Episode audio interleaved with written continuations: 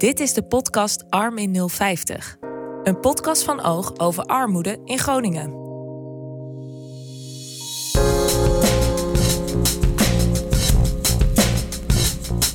Welkom bij deze vierde aflevering van Arm in 050. Mijn naam is Chris Bakker, ik ben 30 jaar oud en ik ben onderzoeksjournalist bij Oog. Bij mij aan tafel zitten Linda Hageman, Richard van Heuvelen en Adrie Car Carmio. Spreek ik dat zo goed uit? Carmio. Carmio, oké. Zouden jullie jezelf even uh, voor willen stellen? Nou, zoals je net al zei, mijn naam is Adrie Carmio en ik ben taalhuiscoördinator van vier taalhuizen. En daarnaast ben ik NT2-docent bij het Alpha College. Oké. Linda, zou jij jezelf even voor willen stellen? Ja, Linda Hageman. Ik ben werkzaam als senior adviseur bij Stichting Lezen en Schrijven. En ik werk hier in de arbeidsmarktregio Groningen. Ik ondersteun de gemeenten hier in deze arbeidsmarktregio als het gaat om de aanpak van laaggeletterdheid. Oké. Richard. Ik ben uh, Richard van Heuvelen, sociaal raadsman in uh, Oosterparkwijk voor uh, Stichting Wij Groningen. Oké. Ja, dank jullie wel. Ehm, ja, we gaan vandaag praten over laaggeletterdheid. Um, dus ik werk uh, zelf sinds maart aan dit onderzoek uh, naar armoede in Groningen. En wat mij heel erg opvalt in de gesprekken die ik voer, is um, ja, dat laaggeletterdheid toch wel een van de grootste problemen is in het armoededossier. Maar ja, voordat we daar heel erg diep op ingaan, um, ja, Adrie, zou jij wat kunnen vertellen? Wat houdt het precies in? Ja, laaggeletterdheid. Laat ik eerst zeggen dat ik het woord het een beetje raar vind. Laaggeletterd. Uh, vooral als je met mensen praat die laaggeletterd zijn. En je hebt het over laaggeletterd, dan zit het woord laag in. Maar goed, we hebben nog geen goed ander woord gevonden. Dus ik ben acuut voor een prijsvraag uh, voor een mooie woord. Maar uh, ja, wat is laaggeletterdheid? Dat is eigenlijk een term voor volwassenen die um, niet goed kunnen lezen, schrijven of rekenen. Die moeite hebben met het uh, werken met de computer of een smartphone. Ja, en dat noemen wij de basisvaardigheden. Dus het zijn mensen die onvoldoende de basisvaardigheden beheersen. Oké. Hoe, komt het dat mensen in die situatie uh, terechtkomen? Ja, hoe komt dat? Dat, dat dat kan op, op heel veel manieren natuurlijk gebeuren. Dat, uh, je, migratie is bijvoorbeeld een, uh, hè, een, een oorzaak. Het, vergrijzing ook wel. Um, de, wat oudere populatie van onze inwoners. als je ouder wordt, dan vergeet je ook sneller wat. Maak je minder snel je nieuwe vaardigheden eigen. Dan heb je het vooral over computervaardigheden. Maar tegenwoordig komen, ja, dat is eigenlijk wel heel erg raar, komen er ook wel steeds meer laaggeletterden bij jaarlijks. Omdat ook uh, jongeren toch laaggeletterd van school komen. En niet voldoende aandacht hebben besteed aan lezen en schrijven en rekenen. Hoe, komt dat?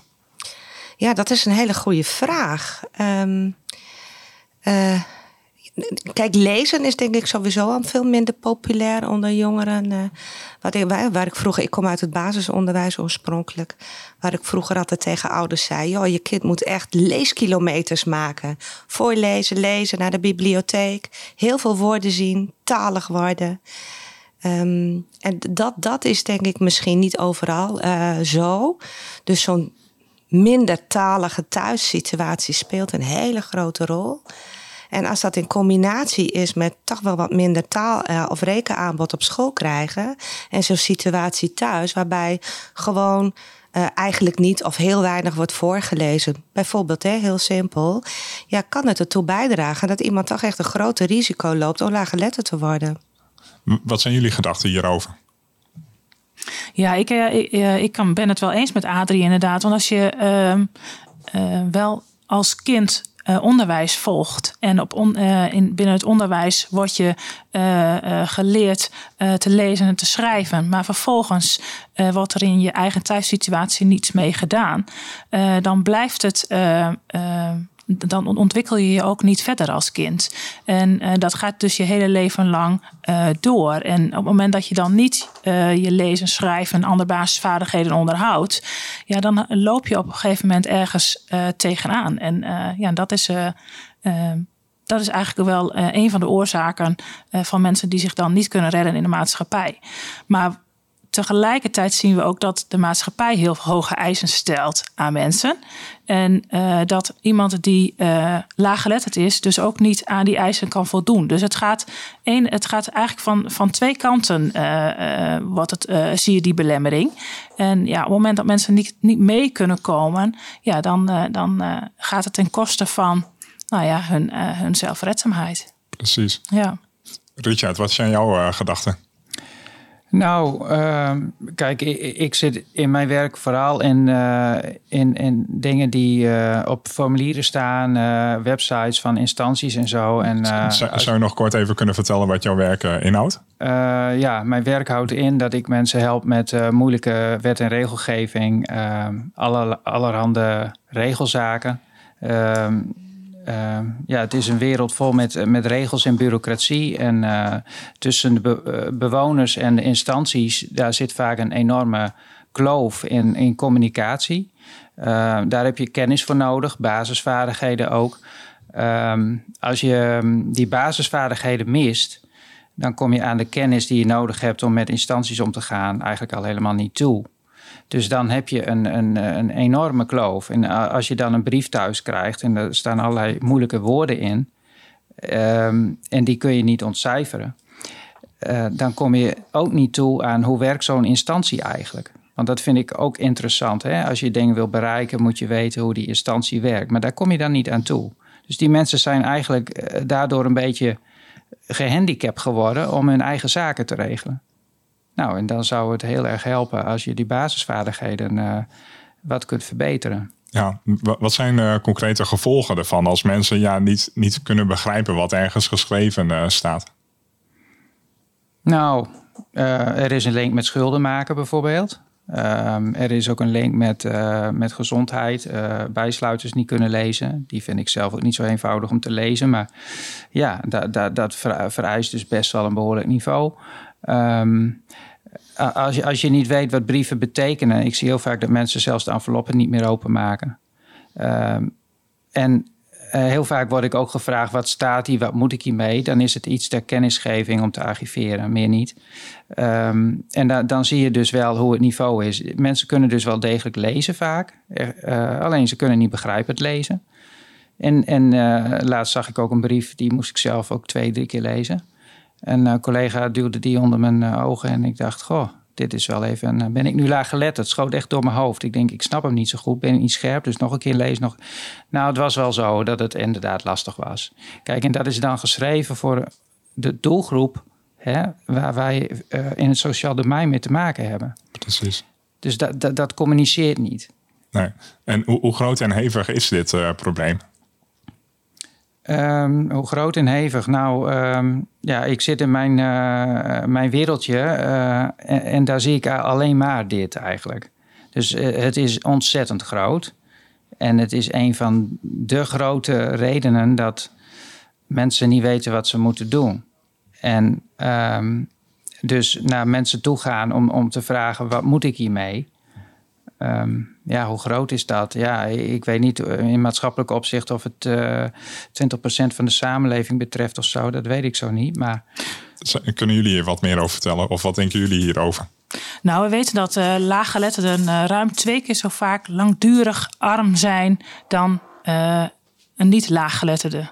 Dus voordat mensen weer inderdaad uit die situatie uh, komen, uh, nou, uh, moeten ze dus een, een, behoorlijk lange periode in, ja, in armoede doorbrengen. En dat is inderdaad ook ja, die zelfredzaamheid die daarin ontbreekt. En waar, waar, komt dat door, dat het twee keer zo lang is? Nou, doordat ze laaggeletterd zijn en dus niet financieel redzaam, kunnen ze ook niet die stappen maken om, om nou ja, niet in zo'n situatie terecht te komen. Dus wat Richard ook al beschreef, van niet, niet begrijpen van hun financiële situatie, niet ehm, op tijd in kunnen grijpen zelf, hè? Maar soms ook niet eens weten wat ze, wat ze kunnen en wat ze moeten doen en wat hen kan helpen. En ehm, en, daardoor, en daarbij ontstaat ook een grote schaamte. Dus ook niet iemand vragen om hulp. ja, die, die schaamte, dat is volgens mij ook wel een, een belangrijk ding. Ik was vorige week bij, bij weer allerlei presentaties die dan georganiseerd worden door, door maatschappelijke organisaties. En daar werd ook verteld dat mensen heel goed zijn in het verhullen van dat ze laaggeletterd zijn. Wat komen jullie hierin tegen? Hoe, hoe erg is die schaamte? Nou ja, wat, wat, ik, wat ik heel erg herken is dat mensen, uh, als ze hulp vragen, dan bijvoorbeeld wel naar Richard gaan en naar een professional van goh, help mij met het invullen van. dat wil men dan nog wel toegeven. Maar uh, de volgende stap hè, om toe te geven van, maar ik kan het eigenlijk zelf niet en daarmee naar buiten treden, dat is voor heel veel uh, mensen van onze doelgroep een, een te grote stap. Dus wachten ze veel te lang met hulpvragen. Um, het, wordt als heel bijzonder ervaren dat mensen die hier gewoon zijn geboren en naar school zijn gegaan, uh, niet zelfredzaam zijn. En uh, ja, daar wordt wel, toch wel wat op neergekeken, volgens de mensen van onze doelgroep. Terwijl het dan juist zo heel erg fijn zou zijn als het genormaliseerd zou worden. Als het probleem niet zo groot gemaakt zou worden, dan zou de schaamte ook automatisch minder gaan worden. Maar mensen wachten echt absoluut te lang met hulpvragen. En dan ben je um, nou, eigenlijk wel heel reactief bezig. Want dan is het ondertussen het probleem groter geworden. En dan is de armoede overgegaan in schulden. Uh, is, het, is het overgegaan in sociale armoede. Nou, het stapelt zich uiteindelijk steeds verder op. Precies. Ja, jij bent de taalhuiscoördinator. Zou je wat kunnen vertellen over wat jullie uh, ja, in de dagelijkse praktijk doen? Wat, wat, wat doen jullie? Ja, ik, ik, zou bijna zeggen, wat doen we niet? maar we doen heel veel. Nou ja, wij zijn eigenlijk opgericht om uh, hè, uh, vanuit de gemeente in het kader van het plan van aanpak van laaggeletterdheid, om die laaggeletterdheid terug te dringen. Nou, dat klinkt heel erg duur. Heel praktisch betekende dat dat taalhuizen hulp bieden bij het verbeteren van die basisvaardigheden die ik al had genoemd. Wij hebben concreet spreekuren, er kunnen mensen komen met een hulpvraag. ik ga kijken ehm, eh, om die hulpvraag zo helder mogelijk boven tafel te krijgen. En daarna ga ik met iemand in gesprek van hoe kan ik jou helpen en welke mogelijkheden zijn er. En die mogelijkheden zijn ontzettend divers. Want je kunt je voorstellen dat iemand nou ja, hulp eh, wil hebben bij het verbeteren eh, van de leesvaardigheden. Nou, het kan zijn dat iemand gebaat is bij een één op één begeleiding door een vrijwilliger om dat te doen. Maar dat kan ook zijn dat het uh, goed voor iemand is om bijvoorbeeld doorverwezen te worden naar een ROC, waar ook speciale klassen zijn om, uh, om aan deze problematiek te werken. Oh, die, die, die zijn er. Die heb je ook op NOC's om mensen te leren uh, lezen en schrijven. Ja, ja. ja, zeker. Dus er wordt heel erg gekeken naar wat is de, de hulpvraag van iemand persoonlijk. En vervolgens ga je kijken. Um, hoe kan ik dat samen met iemand oppakken? Het kan met een vrijwilliger zijn. Het kan ook in een groepje zijn. Dus het hoeft niet altijd in één op één. iemand komt voor digitale vaardigheden. Nou, je merkt vaak dat het oudere mensen die vinden het heel fijn om één op één met een vrijwilliger te werken en met die computer of met hun smartphone. Um, wat jongere mensen vinden het ook leuk om in een groep te zitten. En dat kan ook bij een ROC. Maar dat kan ook bijvoorbeeld bij een klik en tik bij de bibliotheek. Dus um, ik ben eigenlijk een beetje de spin in dat web. En ik ga kijken met iemand, nou, wat past het beste bij jouw hulpvragen en welk traject gaan we in? En dat kan voor een jaar zijn, maar voor sommige mensen kan het ook. Iemand kan ook komen voor, voor een cv, dat is met een paar maanden bekeken. Um, maar het kan uiteindelijk ook een tweejaarlijks traject worden. Dus heel erg gericht op de persoon. Het hangt heel erg af van de persoon. En ja, hoe, hoe, hoe gaat dat dan? Ik probeer me dat een mhm. beetje voor te stellen van hoe gaat dat dan concreet? Uh, ik kan niet lezen en schrijven. Dan deden jullie dus, dus eigenlijk alsof iemand op de basisschool komt. Hoe, hoe, hoe dat eigenlijk gaat? Of hoe, hoe moet ik dat voor me zien? Um, nou, in, principe gebruiken we eigenlijk het liefst uh, niet het materiaal wat op basisscholen wordt gebruikt. Dat doen we wel eens, moet ik eerlijkheidshalve toegeven. Omdat het soms heel geschikt is en vaak met, met, met uh, visuele ondersteuning is. Maar um, grotendeels werken we met materiaal dat, de, dat de Stichting Lezen en Schrijven ter beschikking stelt. Dus op verschillende niveaus ook. En ook voor de verschillende vaardigheden. Uh, maar ik, ik neem soms ook wel eens materiaal van school mee. Uh, ik, ik koop ook gewoon puzzels in de winkel. Of uh, ik kom iets tegen bij bol.com. Denk ik, oh, maar die, die storytelling cubes, die ga ik bestellen. Dus ik maak zelf eigenlijk ook altijd een pakket. Dus naast het materiaal van Stichting Lezen en Schrijven, waar we ontzettend ontzettend blij mee zijn overigens, vul ik dat ook aan met ander materiaal wat ik geschikt vind. Ja, precies. Dus het, het, hangt er maar net vanaf ja, hoe het loopt. En jullie zijn zelf heel vrij om dat allemaal in, uh, in te vullen. Ja, en dat is heel mooi, want daarom kan je juist iemand persoonlijk heel goed bedienen. Ja, precies. Ja, fijn. Linda, zou je wat meer kunnen vertellen over wat jullie uh, doen? Uh, ja, wij uh, zijn. Uh, nou, dan ga ik even, eerst even terug in de tijd. Want ehm, nou, vanaf 2016 zijn ook hier in de arbeidsmarktregio Groningen ehm, taalnetwerken en dus ook taalhuizen ontstaan. Stichting Lezen en Schrijven heeft daar ook bij ondersteund om die taalnetwerken, die infrastructuur op te, op te bouwen en ook die taalhuizen operationeel te maken, dus die op te bouwen. We zien nu dat in iedere gemeente ook een taalhuis gelokaliseerd is.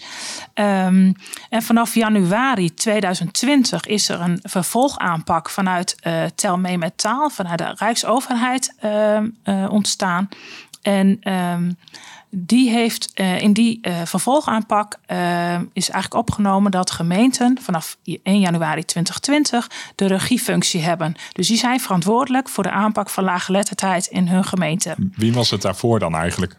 Nou, daarvoor was er niemand verantwoordelijk. Uh, daarvoor was het zo dat uh, op het moment dat een gemeente of een organisatie uh, aan de slag wilde met aanpak van laaggeletterdheid, dan konden ze ook gebruik maken van de ondersteuning van Stichting Lezen en Schrijven. En nou, was het gewoon op eigen initiatief, zeg maar, dat men daar ook en dat men het ook belangrijk vond om te werken aan aanpak van laaggeletterdheid. En ehm, nou, eh, in die jaren is eigenlijk wel gebleken hoe belangrijk het is om ook um, nou, daaraan te werken en daar ook een aanpak in te realiseren. Dus vanaf de, uh, januari 2020 is er de gemeente daar verantwoordelijk voor. En wij ondersteunen ook deze gemeente als het gaat om het maken van beleid, als het gaat om de uitvoering van het beleid en ook om onze kennis te delen. En wat we heel belangrijk vinden is om uh, het uh, bereik van die lage letterden zo groot mogelijk te maken. En dat er ook een integrale aanpak is. Dus wij adviseren gemeenten dan ook om samen te gaan werken met organisaties. zoals het onderwijs, organisaties binnen de gezondheidsbranche, welzijnsorganisaties. En, maar ook schuldhulpverleningsorganisaties. Precies. En ja, daarin om die verbinding juist te maken. Zodat je een zo groot mogelijk impact maakt. En ja, we hebben net ook al gehoord Hè, van het heeft zoveel met elkaar te maken. Het ene staat niet los van het andere. Dus je zult het uh, integraal moeten gaan, gaan, gaan aanpakken. En, zou je wat meer kunnen vertellen over uh, uh, ja, dat beleid, waar dat op gericht is en ehm, hoe dat er precies uitziet? Uh, nou, er is een regionaal beleid. Uh, het regionaal beleid is van de arbeidsmarktregio Groningen. En dat beleid wordt eigenlijk, is eigenlijk samengesteld door alle gemeenten in de arbeidsmarktregio. En ze hebben met elkaar gezegd: er is decentralisatie, zijn decentralisatiemiddelen, dus er is extra geld vanuit de Rijksoverheid beschikbaar.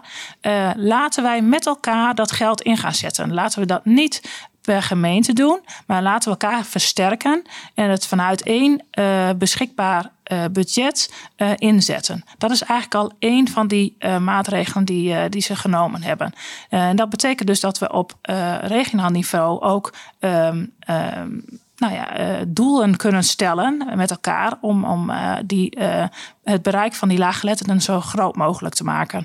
En um, nou, een van die doelen is bijvoorbeeld uh, om met elkaar te zorgen dat die taalhuizen en de taalhuiscoördinatoren uh, nou, goed zichtbaar zijn in de arbeidsmarktregio, zodat uh, de mensen ook deze taalhuizen en taalhuiscoördinatoren ook kunnen bereiken. Maar ook dat de professionals die werkzaam zijn in de organisaties in die gemeenten ook weten wat het taalhuis is en wat daar mogelijk is voor de doelgroep. Wat voor ondersteuning uh, bieden jullie concreet aan de taalhuizen? Uh, nou ja, Adrie zei het net al even. Uh, het materiaal wat wij beschikbaar, wat wij ontwikkeld hebben. materiaal wat gebruikt kan worden door de vrijwilligers die werkzaam zijn in de, in de taalhuizen. Ehm, zodat ook uh, zodat men kan voldoen aan de vraag van die laaggeletterde. Dus iedere laaggeletterde heeft eigenlijk een persoonlijke vraag. En uh, wij proberen uh, met het materiaal zo goed mogelijk aan te sluiten bij, bij die deelnemer. Um, En daarnaast hebben we ook instrumenten die ingezet kunnen worden om uh, laaggeletterden te signaleren, dus te screenen. Uh, en dan moet je denken aan basismeters, uh, zoals een taalmeter. Dat is een, een, een, een soort toets. Je mag het geen toets noemen, maar het is een, een, um, een instrument wat ingezet wordt. Um, het is een, een stukje tekst wat gelezen dient te worden door de nou ja, cliënt of door de burger. Um, en uh, aan de hand van vragen kan men dan een uh, indicatie stellen van laaggeletterdheid. En uh, dat is tegelijkertijd een aanleiding om in gesprek te gaan met diegene over: goh, vind, je dit, vind, je dit lastig? Is dit lastig voor jou?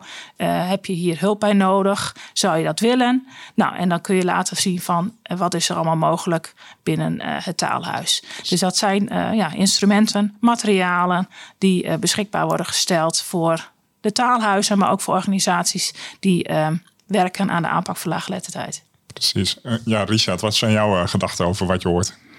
Uh, nou ja, dat, dat laatste van ehm, signaleren. Dat, dat, ik, heb, ik heb ook een tool gebruikt lang geleden. Inmiddels ehm, werk ik ook wel zonder tool. En ehm, ja, ik denk dan, ik zie iemand voor me die worstelt met de computer, met allerlei uh, digitale vaardigheden. Dat, dat zie ik gewoon. En daar is die hele hulpvraag ook op gericht. Uh, vaak zit de taal daaraan vast. En soms is het heel duidelijk dat, uh, dat taalvaardigheid ook minder goed ontwikkeld is. Um, maar heel vaak is het voor mij eigenlijk um, ja, heel vanzelfsprekend dat iemand die basisvaardigheden niet heeft uh, zo vanzelfsprekend uh, dat het me niet meer opvalt. Dus zo erg is het eigenlijk. Dat het, hè, het is zo gewoon dat iemand die vaardigheden niet heeft, dat ik dan totaal niet verbaasd ben. Merk je uh, dat ook bij collega's? Um, Weet ik eigenlijk niet zo. Over het algemeen wel, denk ik. We zijn het allemaal wel gewend. Ik bedoel, er lopen heel veel mensen binnen bij wij en die hebben een, uh, een vraag. En dat is iets met uploaden of iets met de computer doen. Of um, wat, wat kan ik doen met dit formulier? Of hoe vraag ik dit of dat aan? Dat is eigenlijk allemaal afgeleid van het laaggeletterd zijn. Dus het is voor iedereen eigenlijk vrij normaal. En voor mij is het dan de uitdaging uh, vervolgens van wat doe je daarmee?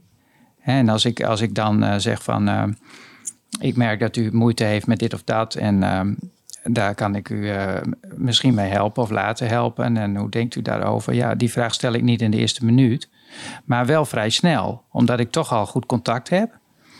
En soms kom ik daarop terug. Iemand geeft soms ook aan, daar heb ik absoluut nu geen trek in. En laatst heb ik iemand verwezen, die ken ik al jaren. En die heb ik laatst nog verwezen. Dus het kan ook even duren voordat iemand zover is. En nu is hij ontzettend, uh, volgens mij weet Adriel wel wie ik bedoel. Ja. nu is hij ontzettend enthousiast. Dus er, er, is een drempel, maar er is ook dat contact, het vertrouwen. En die man die, die is al jaren bezig om ja, toch hier en daar perspectief uit te halen en vooruit te gaan. En dit is een van die dingen. En hij ziet het zelf. En daar gaat het om. Uh, mensen moeten het zelf zien. Het is niet dat ik iemand naar het taalhuis wil duwen. Maar heel veel mensen hebben daar echt wel uh, heel veel zin in, zeg maar. En, en dat hoor ik ook terug ja, voor, voor heel veel mensen is het inderdaad eerst van dat ze zich ervoor schamen en proberen te verhullen. Maar als ze zich daar eenmaal overheen hebben gezet, dan is het toch een hele opluchting. Ja, ja klopt. Ja, ik denk ook inderdaad dat, het, dat we dat um, mensen graag willen dat je ernaar vraagt. Want dat horen wij ook van onze ervaringsdeskundigen, van onze nou ja, ex-laaggeletterden terug. Van goh, um, hadden ze dat maar eerder aan mij gevraagd of ik daar moeite mee had. Dus um, dat is eigenlijk ook wel uh, ja, tegelijk dan die opluchting die dan daarna ontstaat. Van goh, het wordt mij nu ook gevraagd. Het wordt ook echt, ik kan het ook echt bespreekbaar maken nu. Precies. En ja, dat signaleren. Ik kan me voorstellen dat dat wel een grote uitdaging is. Van um, dat het voor hulpverleners moeilijk is om inderdaad het te signaleren. En ja, die, die toolkit, wordt die, wordt die gebruikt door veel hulpverleners? Is dat een beetje bekend? Of? Nou, er zijn verschillende manieren om te signaleren. Uh, uh, de, de, het instrument, zeg maar, uh, dat wordt veelal gebruikt bij, bij gemeenten, bij, bij het werkplein, omdat het dan uh, een instrument is wat ingebouwd kan worden in het werkproces. Uh, maar wat wij zien, en dat, dat vertelde Richard eigenlijk ook al van, hè, eigenlijk uh, als je als professional in gesprek bent met je cliënt of met je burger, dan, dan zou het onderdeel van je gesprek moeten zijn. En daarom zijn wij ook bezig om mensen, om professionals te, te, te trainen op het uh, inderdaad eerst die bewustwording, uh, eerst bewust maken van, van, van die problematiek en dan ook het kunnen signaleren, maar ook het bespreekbaar maken. Dus wat vraag je dan? Hoe kun je dan in je gesprek aandacht hebben voor wat je ziet? En um, en daarbij is, is het een uitdaging om ook zo dicht mogelijk bij je eigen uh, manier van gespreksvoeren te blijven. zodat het ook nou ja, normaal en genormaliseerd wordt in je, in je, in je eigen contactmoment. En, en dat is wel, zien wij wel, dat dat nog wel eens een uitdaging is. Richard vertelde net al voorafgaand aan dit gesprek ook. Hè, dat je, wat jij bij collega's ook wel signaleert, dat er een, een plaatsvangende schaamte eigenlijk uh, ontstaat hè, bij, ja, bij ja. collega's. Ja, het, het, het, woord schaamte, hè, dat wordt heel vaak gebruikt zo van de laaggeletterde schaamt zich om hulp te vragen. En oh jee, ehm, ik heb wel eens het idee, het slaat dan ook terug op degene die die vragen wil gaan stellen. Van ik ga dat toch niet vragen, de, die persoon die, die schaamt zich daar misschien voor. Dus dat is een beetje ja, je wil iemand niet die schaamte opdringen, hè, dat het gevoel naar boven komt.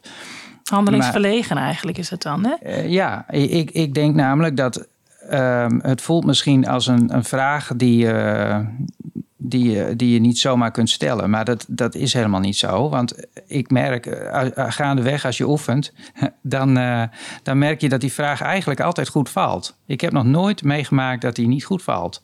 Uh, dus wel meegemaakt natuurlijk dat iemand zegt: ik, ik wil dat niet, ik wil daar, ik wil daar niks mee doen, ik red me wel, ik, uh, ik heb hulp van uh, een kind of een familielid of wie dan ook, dus ik red me prima. Dat kan allemaal wel. Maar er is nooit iemand die zegt: van goh, wat stel je nu toch voor vraag? Dit is veel te persoonlijk of hier wil ik het niet over hebben. Dus je kunt het prima inbedden in het gesprek. En als je er normaal over doet, doet die andere persoon daar ook normaal over. Dus dat is ook dat normaliseren. En ik, ik, ik doe dat ook wel eens bewust, dat ik uh, aangeef dat ik heel veel mensen ken die moeite hebben met uh, uh, dit of dat. En dat het dus heel normaal is. En dan maak ik het nog eens expliciet. Maar je kunt dat ook impliciet overbrengen, die boodschap. Door daar heel normaal over te doen. En dan heb je gewoon een prima gesprekje daarover. En dan zie je vaak dat mensen echt wel behoefte hebben, omdat ze dat tekort merken. Omdat ze tegen heel veel dingen aanlopen. En dat kun je je moeilijk voorstellen. Daar zijn die trainingen daar goed voor, waar je al niet tegenaan loopt. Als je niet volwaardig mee kunt doen. Precies. Wat is er uh, volgens jullie uh, ja, nog, nog meer nodig om laaggeletterdheid ja, beter aan te pakken, beter in beeld te brengen, uh, op te lossen? Ja, nou, ik denk dat die normalisering, dat is een hele belangrijke.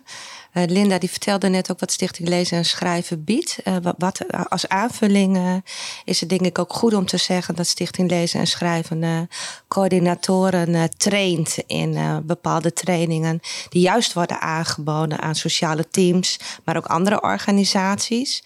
Waarbij dat is dan denk ik het tweede, heel erg gewerkt wordt aan. Uh, gekwalificeerde professionals die in staat zijn om de goede vraag te stellen aan degene die tegenover hen zit aan tafel. En dat op een, uh, op een gelijkwaardige manier brengen en zo het gesprek uh, op laaggeletterdheid kunnen brengen. dus ik denk dat dat inzetten op, op, op gekwalificeerde professionals, dat, dat vind ik echt een must. En daarnaast ook het blijven inzetten op goede goed geschoolde vrijwilligers. Kijk, een taalhuis valt in staat met uh, natuurlijk met een goede coördinator, maar met name ook met goede vrijwilligers, want die geven um, ja, de kwaliteit uh, aan, aan de begeleiding. Um, en, en, en verder blijf ik erbij dat, nou, wat Linda ook zei, het, het, is een vorm van krachtenbundeling. En die, die moet eigenlijk nog verder uitgekristalliseerd, denk ik. Ehm, want die krachtenbundeling heb je als organisaties, als ketenpartners en, en andere partners in dit hele verhaal, heb je gewoon nodig om uh, dit probleem te tackelen. En um, op de een of andere manier zijn wij nu in een soort situatie beland, denk ik, waar wij behoorlijk reactief zijn. Dus de mensen zijn al wat ouder als ze tegen het probleem aanlopen. En ik pleit er vooral voor om juist met, met onze partners te gaan kijken naar manieren om de jongere doelgroep veel meer te, te bereiken. Om te voorkomen dat laaggeletterdheid gaat worden doorgegeven aan de volgende generatie, dus aan hun kinderen. Um, nou, dat is iets waar ik eigenlijk op dit moment heel erg naar aan het kijken ben. Hoe gaan we dat doen? Helder. Eh, hebben jullie verder nog uh, wat, wat toe te voegen? Uh, nou, ik vind wel heel mooi wat Adrie inderdaad net zegt hoor. Die, die uh, preventief bezig zijn met, met laaggeletterdheid. Dus voorkomen dat, dat de kinderen van de huidige laaggeletterden zeg maar ook uh, laaggeletterd worden of blijven. En, en daarbij is een gezinsaanpak wel, uh, wel effectief. Want op het moment dat je dat kan doorbreken, dan denk ik dat je voor de toekomst ook kunt voorkomen dat nou, kinderen en mensen laaggeletterd worden of dat ze minder hun basisvaardigheden hebben ontwikkeld. Um, nou, je vroeg net nog, wat is er nog meer nodig inderdaad hè, om, om, om uh, die laaggeletterden te bereiken, om dat probleem aan te pakken. Uh, ik denk, uh, als ik kijk naar deze arbeidsmarktregio, dan denk ik dat we in alle, op alle niveaus, dus op politiek niveau, bestuurlijk niveau, maar ook op het uitvoerende niveau, dat er nog best veel gedaan mag worden en dat die verbinding ook nog beter tot stand kan komen. En dat eigenlijk nog meer mensen bewust uh, gemaakt mogen worden van uh, de problematiek. daar, is nog, daar is nog heel veel winst te behalen. er zijn nog steeds mensen die niet weten dat laaggeletterdheid bestaat. En, er zijn, en, en dat mensen dus moeite hebben met basisvaardigheden. En daar begint het wel mee. Dus daar is ook nog heel veel, heel veel winst te behalen. Ja. Richard, wat zijn jouw gedachten? Nou, ik denk dat uh, de bewustwording, inderdaad, wat Linda zegt, kan nog wel veel beter, ook bij ons. En uh, hoewel wij ontzettend veel mensen zien, um, is het misschien, ja, aan de ene kant moet het normaal worden om het erover te hebben. En um, het is ook weer zo normaal dat het, dat het heel veel is. Um, vervolgens moet het ook normaal worden om er iets mee te doen. En dat, uh, waar, waarmee je een soort van sneeuwbaleffect hopelijk krijgt. Doordat mensen elkaar ook vertellen van ik ben naar die scholing geweest. Dat heeft me goed gedaan. Daar zijn ook voorbeelden van. En vervolgens gaat een werkgever dan denken: hé, hey, dit is ook wel heel goed voor mijn mensen. Daar kan ik nou, een soort win-win. Want de, het bevordert het welzijn, het bevordert de participatie. Je kunt beter je werk doen, je kunt misschien groeien in je werk. En dan wordt het een sneeuwbaleffect. Er gaan ineens allerlei eh, collega's samen op cursus. Hè? Dus eh, die werkgever doet dan ook mee. Dus er zijn best eh, heel veel partijen die iets willen. Het begint dus bij dat signaleren. En vervolgens moet je het niet zo uh, normaal vinden dat je doet alsof het uh, hè, er niks mee hoeft. Dus ik hoop dat we het steeds meer zien en er ook steeds meer mee doen. Omdat mensen die je die, die opleiding en, en training gunt, bij Taalhuis bijvoorbeeld, die kun je daar warm naartoe verwijzen. En uh, heel veel mensen worden daar ontzettend blij van. Dus uh, daar wordt iedereen er weer blij van. Ook de verwijzen. Ik, ik denk dat dat een mooie afsluiting uh, is. Of hebben jullie verder nog iets toe te voegen? Ehm, nou, wel, wel een, een klein dingetje wellicht. En eh, ik, ik, op zich vind ik ook een hele mooie afsluiting. Maar ik zou heel graag nog even willen um, vragen aan, eh, eh, de plaatselijke overheid. En wellicht ook de landelijke overheid. Om toch eens een keer te kijken naar hun eigen documenten en brieven die ze naar de bewoners sturen. Um, want zoals Richard net ook al zei, als geletterde zelf moet je er wel eens al drie, vier keer je ogen over laten gaan. Wil je begrijpen wat er staat? Nou, ik denk dat dat ook verbetering behoeft. Dus uh, dat lijkt me ook een goed plan. Ja, dat, uh, dat zeker. Helder. Oké, okay. uh, eh, dank jullie wel. Ik dank mijn gasten. Ik dank de luisteraar. Um, ja, bedankt voor het luisteren en um, ja, tot de volgende keer. Leuk dat je luisterde naar de podcast Arm in 050. Dit onderzoeksproject wordt mede mogelijk gemaakt door het Stimuleringsfonds voor de Journalistiek en de provincie Groningen. Wil je meer weten over het armoedeproject van Oog? Kijk dan eens op armin050.nl. Tot de volgende aflevering.